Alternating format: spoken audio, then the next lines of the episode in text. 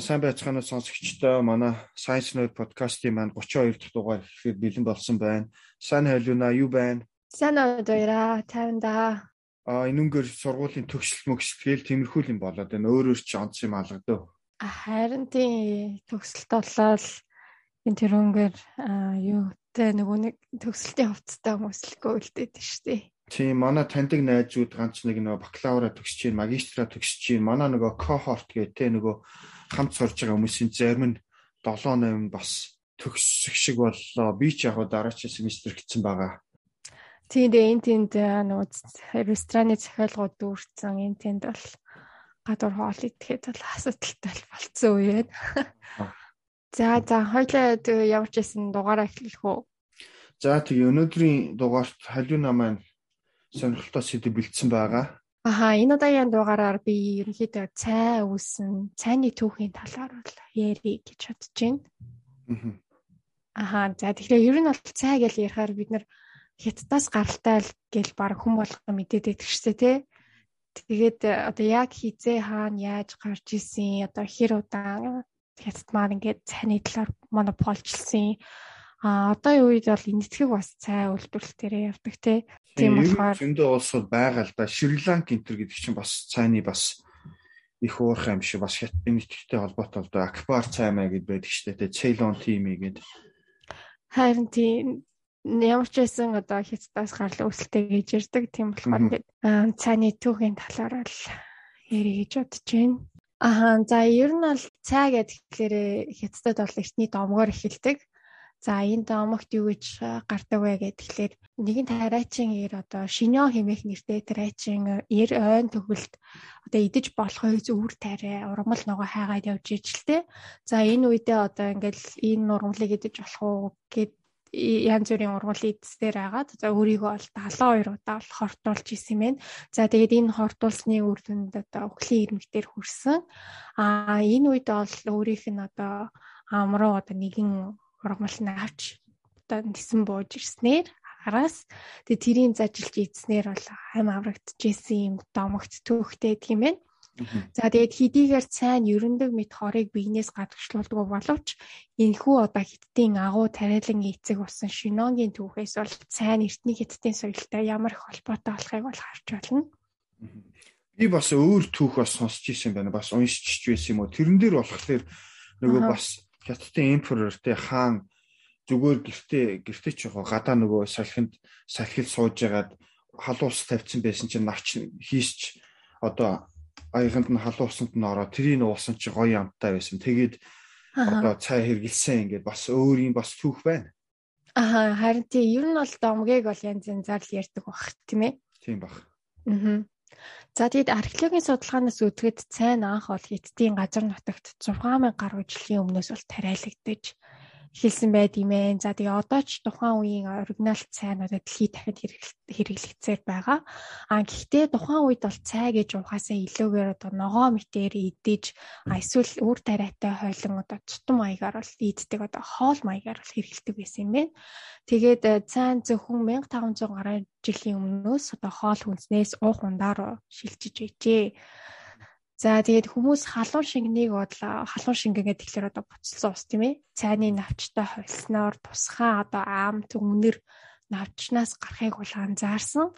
Аа тэгээд төрөл бүрийн аргаар бол цайны навчийн амтыг гаргахаар одоо олон жилийн турш судалсны эцэст одоо стандарт нэгэн аргыг олж авсан.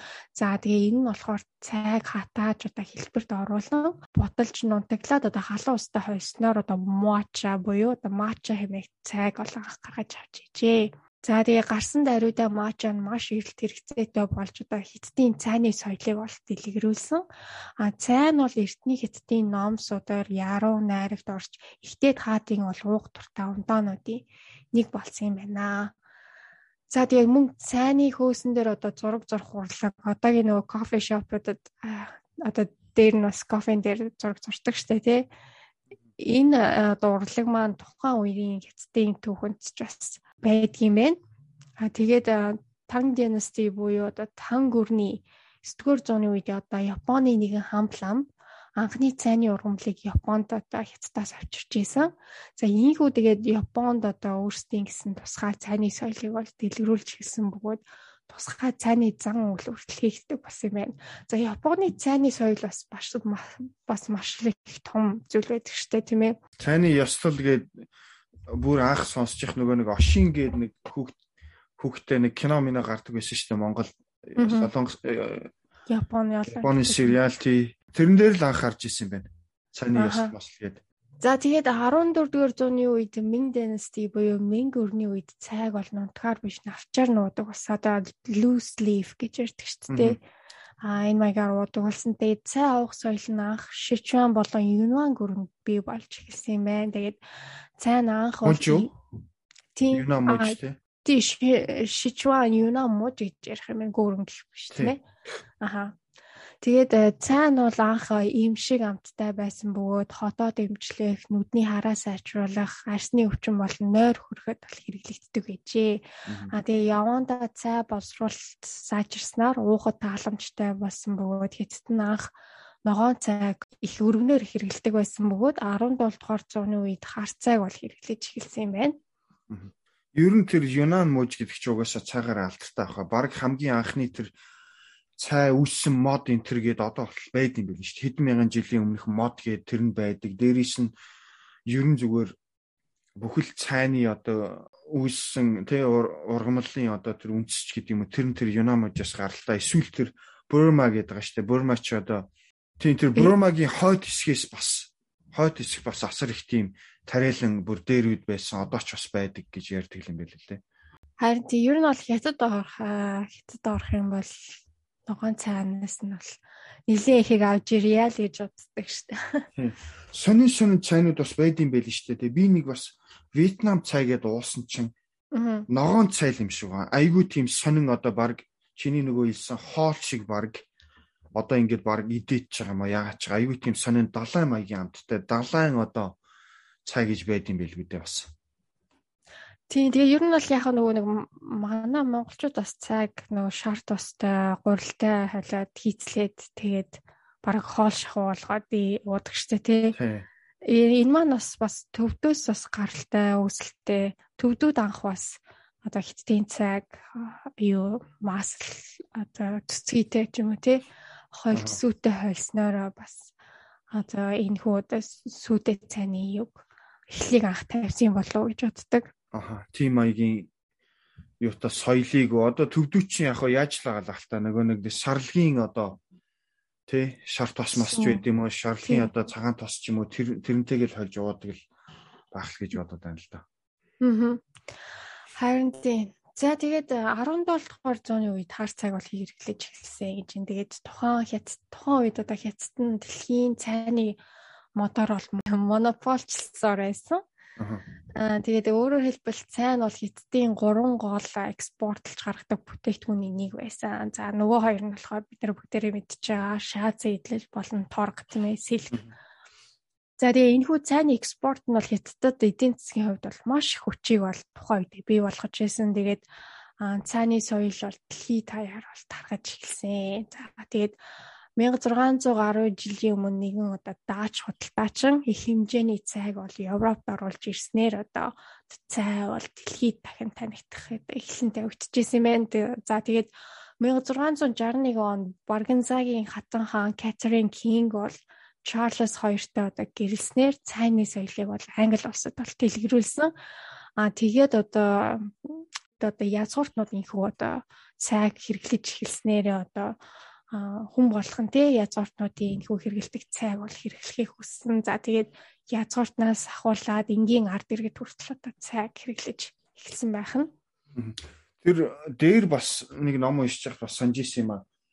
Эдийн засгийн ном дээр ч үлээ байсан. Хатан хаан тийм ээ тухайн үеийн Английн хатан хаан одоо 1 кг цай авахд дундаж англи хүний орлогоос 5 дахин нугалсан тийм үнэтэй байсан гэсэн тийм тоо байсан л да 17 дугаар зуун 18 дугаар зууны үед тэгэхээр цай бол шүү дээ амар үнэтэй л байсан байж таарах гэдэг. Харин тийм. Тухайн үед их Британи улсын бусад орныг одоо колоничлах явдал бол хүчээ авч байсан. Дэлхийг одоо байлдан дагуулж байсан тухайн үед тийм ээ их Британи. За тэгээд ийхүү их Британиг одоо дэлхий дээр тарахад цайны соёл мөн хамтдаа дэлгэрч байсан байх нэ. За тэгээд 1700 он гэхэд цайн бол кофенаас 10 дахин илүү үнээр бол үнэлэгдэж байсан. Аа тийм хэдий ч бол цайны ургамал нь зөвхөн одоо хятадд ургасан хിവэр байсан. Одоо хятадууд бол нэг номерыг цайны тариалангийн үед цайны худалдааны үед бол тий нэг номерт одоо бичигцээрсэн. За тэгээд цайны худалдаа маш ашигтай болж ирсэн. Одоо өөрөөр хэлбэл худалдааны хүлэг онгоцууд цайг Европт авчрах гэж одоо бие биетэйгээ өрсөлдөж хятадын бомб руу явдаг байсан. За тэгээд Британи улс нь бол анх цайг мөнгөний эдлээр худалдан авдаг байсан бол явандаа нөгөө мөнгөний эдл нь одоо хомсдож эхэлсэн. За ингээд тохоо мөнгөний эдл хомсдож эхлэнгүүд цайг одоо юугаар худалдаж авах вэ гэдэг асуудал гарч ирсэн. Энэ үед болохоор Британи улс нь одоо опиум гэж ярьдаг. Тэ одоо опиум маань болохоор морфин энтертэй адилхан маш тийм хүчтэй масуур болох байцаа тийм ээ. Тэгээ опиумор бол цайг арилжаалахыг бол хятадуудад санал болгосон. За тэгээд энэ нь бол хүмүүс опиумд бол донтоод эхлэнгүүд хятадд бол олон нийтийн одоо эрүүл мэндийн асуудлыг үүсгэж эхэлсэн. За тэгээд 1839 онд хятад улсын захиргаа Британи улс нь одоо хятад улсад нөлөө үзүүлж байна хэмээн хэмжээний одоо Британий онгоцыг орж ирсэн опиумыг нь бол устгаж эхэлсэн. Энэхүү үйл явдал нь бол хоёр улсын хоорондох одоо анхны опиумын дайныг бол эхлүүлсэн байдгийм байна. За тэгээд Хятадын эрэг даагуух дайн 1842 он хүртэл үргэлжилж Чинг өрн нь одоо ялагдал хүлээснээр Хонконгийн Британи улсад бол алтж байсан юм байна. За ийхүү бол худалдаа арилжаа дахин эхэлж бол Хятадын дэлхийн одоо ноёрхлыг 100-ны туршил унгаасан байдгийм байна. За тэгээд тухайн үед бол Хятад үнэхээр ганцхан бомбдор бол цайг худалдаална гэсэн одоо цагиргаа үүрэгтэй байсан байдгийм байна. За тэгээд одоо опиумын хоёр дахь дайн эхэлснээр одоо ганцхан бомбд биш те одоо хятадууд бас бусад өөр бомбдуудаараа цайг худалдаалах хар болж одоо дайн нэгэнт ялагдал хүлээс учраас а ийм болсон ингээд одоо цайг бол э, их британчууд бол ганц бомбноос биш олон бомбноос бол хятадаас зөөрлөж авахар болсон байт юм байна.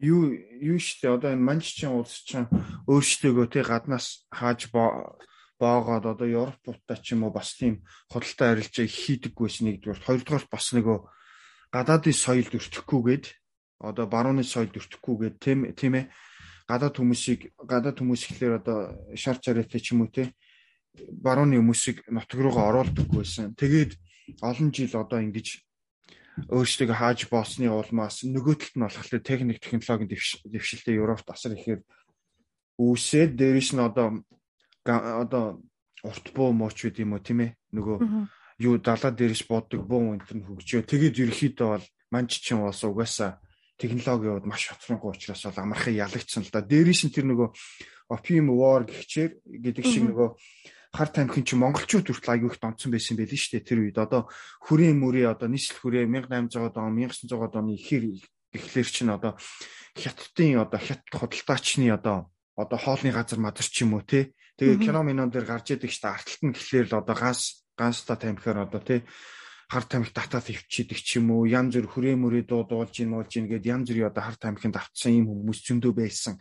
Тэр бас яг нөгөө энэ хятад хятад чи юу ахтай нөгөө манччин улс англи улс хоёрын хоорондохын дайн одоо хар тамхины тулаан энтэй бас холбоотойгоор монголчууд ч гэсэн бас юм хар тамхинд нэрвчилсэн юм шиг байгаа юм. Харин тийм эртний одоо яг нөгөө нэг хятад хятадтай холбоотой кинонууд дээр бол гардаг штэ тийм ээ.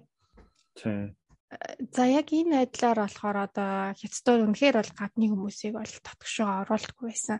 За тийм хэдий ч одоо хятадд зөвхөн одоо цайны ургамал ургасаар байсан учраас одоо Британий зүгээс одоо тухайн одоо ургамлыг аль хятадаас ямар нэгэн аргаар авчраад одоо энэт тариалах хэрэгтэй юм байна гэд тухайн үед бол одоо ч гэсэн нэлээд нэр хүндтэй нөгөө British East India гэх компани баг штэ цай тийм ээ. Энэхүү компани бол анх бол Шотландын ботанист Роберт Форчун гэдэг хүнийг одоо ботанист гэхлээр урмал зөөч тийм ээ. Энэхүү хүнийг бол хятад руу бол цайг бол нууцаар хулгай хийж ирэхээр бол даалгавар өгч илгээж исэн юм байна. За тэгээд а энэхүү Роберт Форчун гэдэг хүн маань өөрийгөө бол яг хятад хүн шиг хувцлаад за тэгээд одоо яг хятадын одоо цайны ургамал ургадаг гуулуудаар бол одоо амьдарч эхэлсэн. Аа тэгээд цай хэрхэн ургадаг яаж арчилдгийг бол тухайн одоо тариаланчдаас бол судалж суралцаж аа тэгээд ерөнхийдөө бүх төрлийн цай одоо хар цай, ногоон цайг англичууд анх удаа хар ногоон цайг бол өөр өөр ургамлаас үсэлтэй гэж боддог байсан юм байна. А гэвч энэ нь бол зөвхөн одоо Camilla sinensis гэдэг ургамлаас бол бий болдог. За тэгээд хэрхэн одоо цай гаргаж авснаас хамаарат ногоон хар цай гэж ялгагддаг болохыг бол мэдэж авсан. За тэгээд энэхүү Роберт гэдэг хүн маань өөрийнхөө даалгаврыг биелүүлээд хятадаас одоо тухайн ургамлыг олж аваад мөн өөртөөхөө хамт 6 өөр одоо 6 хятад тийм одоо мэрэгжлийн цай ургалдаг тий ийм экспорт хүмүүсийг бол аваад дахи энэтэг рүү буцаж исэн юм байна.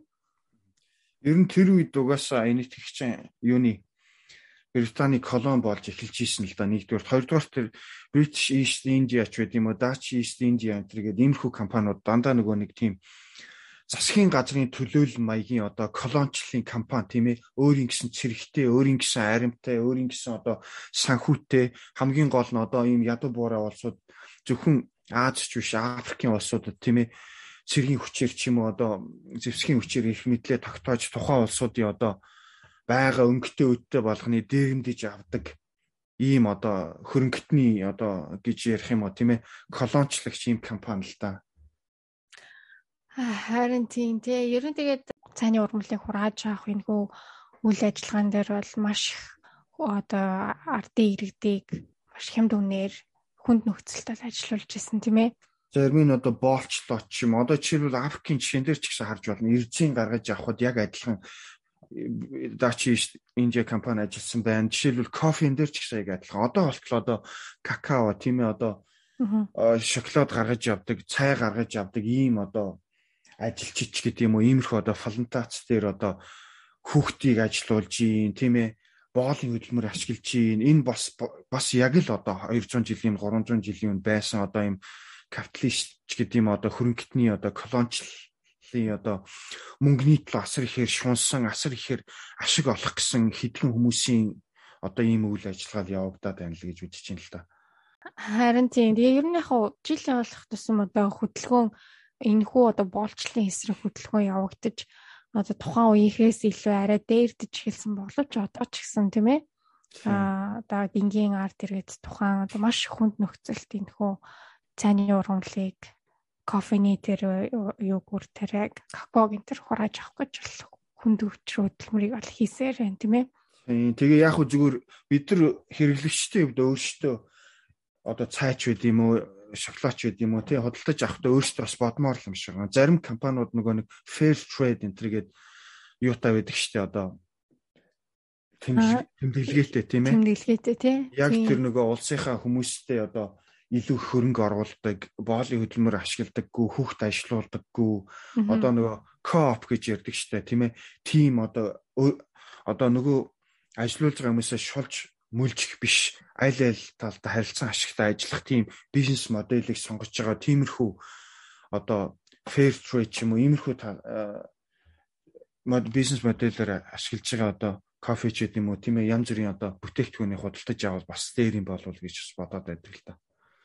Харин тийм яг зөв. Тэгэхээр хэрэглэгчд маань өөртөө бас юу хэрэглэж үзэхээ бол сонгох тэ шийдвэр гаргах хэрэгтэй. Тийм.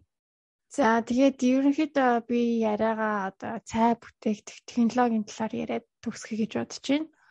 Одоо хавлын хэлсэн дээр нэмж хэлэхэд тийм ээ бас монголчууд бол өөрсдөө бас бид нар бас цайны бас олон жилийн тэг өөх түүхтэй гэж бас ярих дуртай шүү дээ. Аа. Тийм ээ. Баах хоо цайг түрүүн хавлына гэсэн шиг төвдөөс одоо хийчтэй цай ч юм уу тиймэрхүү цайг бол сурсан хийж сурсан гэж юм бас одоо Ховлын хааны үеч гэдэг юм те Юан династигийн үед одоо Мин династигийн яг өмнөх үе шүү дээ. Тэр үед одоо монголчууд бол цайг бол асар ихээр те юнанчууд юм одоо хойд бурмагаас бас асар ихээр авч бас хэрэгжилж исэн гэдэг ийм түүх уншиж исэн байна. Бас дээрээс нь монголчууд ч бас өөрсдөө яг тийм том их хэмжээний фалентац биш ч гэсэн одоо фаленташн биш ч гэсэн тийм одоо отон тэнгэрийн уулын тэнч гэдэг юм хөвсгөлийн тэнч гэдэг юм уу бага хэмжээний бас цай ургадаг тэр тэрийг өөртөө бас авч хэргэлдэг те хөвсгөл цай энтер гээд байна. Ер нь бас баг зэрэг өөртөө бас цай үйлдвэрлэж бас хэрглэж исэн түүх бас байна л да. Тийм манай Монгол ард түмэн бас маш том цайны бас нэг соёлтой ард түмэн шүү дээ тийм ээ. Тийм. Гэхдээ ер нь бол Монгол маягаар за бас төвд маягаар те сүйтэй цайг дээрээс нь одоо чихэр хийхгүйгээр давс хийж уудаг болсод бол айгүй цөөхөн юм байли. Одоо жишээлбэл одоо энд энэ үнгээр тийм ээ Америкаар ч юм уу гадаад найзууд хүмүүст одоо Монгол цай гэдээ уулгахлаар бас ямар сони юм бэ давстай гэд дургу байх ч юм уу эсвэл сонирхох бас тохиол зөндөө байна л да. Харин тий яг үнэ Монгол цай юм бол давстай гэд ер нь бол уух дургу л агаад идэг. Бид нар хэлсэн цай одоо бүтээгдэх технологи маань болохоор янз янз байдгаас одоо янз төлбөрийн цай гардаг тий. Энэ маань болохоор хид хэр их эсэлтснээсээ хамаарна хүчил төрчөд. За тэгээд ногоон цай бол хамгийн бага эсэлтсэн байдгийм бэ. Хар цай болохоор хамгийн их эсэлтсэн буюу одоо хүчил төрөгчөр бол 100% үйлчлүүлж эсэлтүүлж гаргаж авдаг юм хар цайг. За бас олоон цай гэж байдаг шүү дээ тий. Олоон цай. Аа. Олоон тий.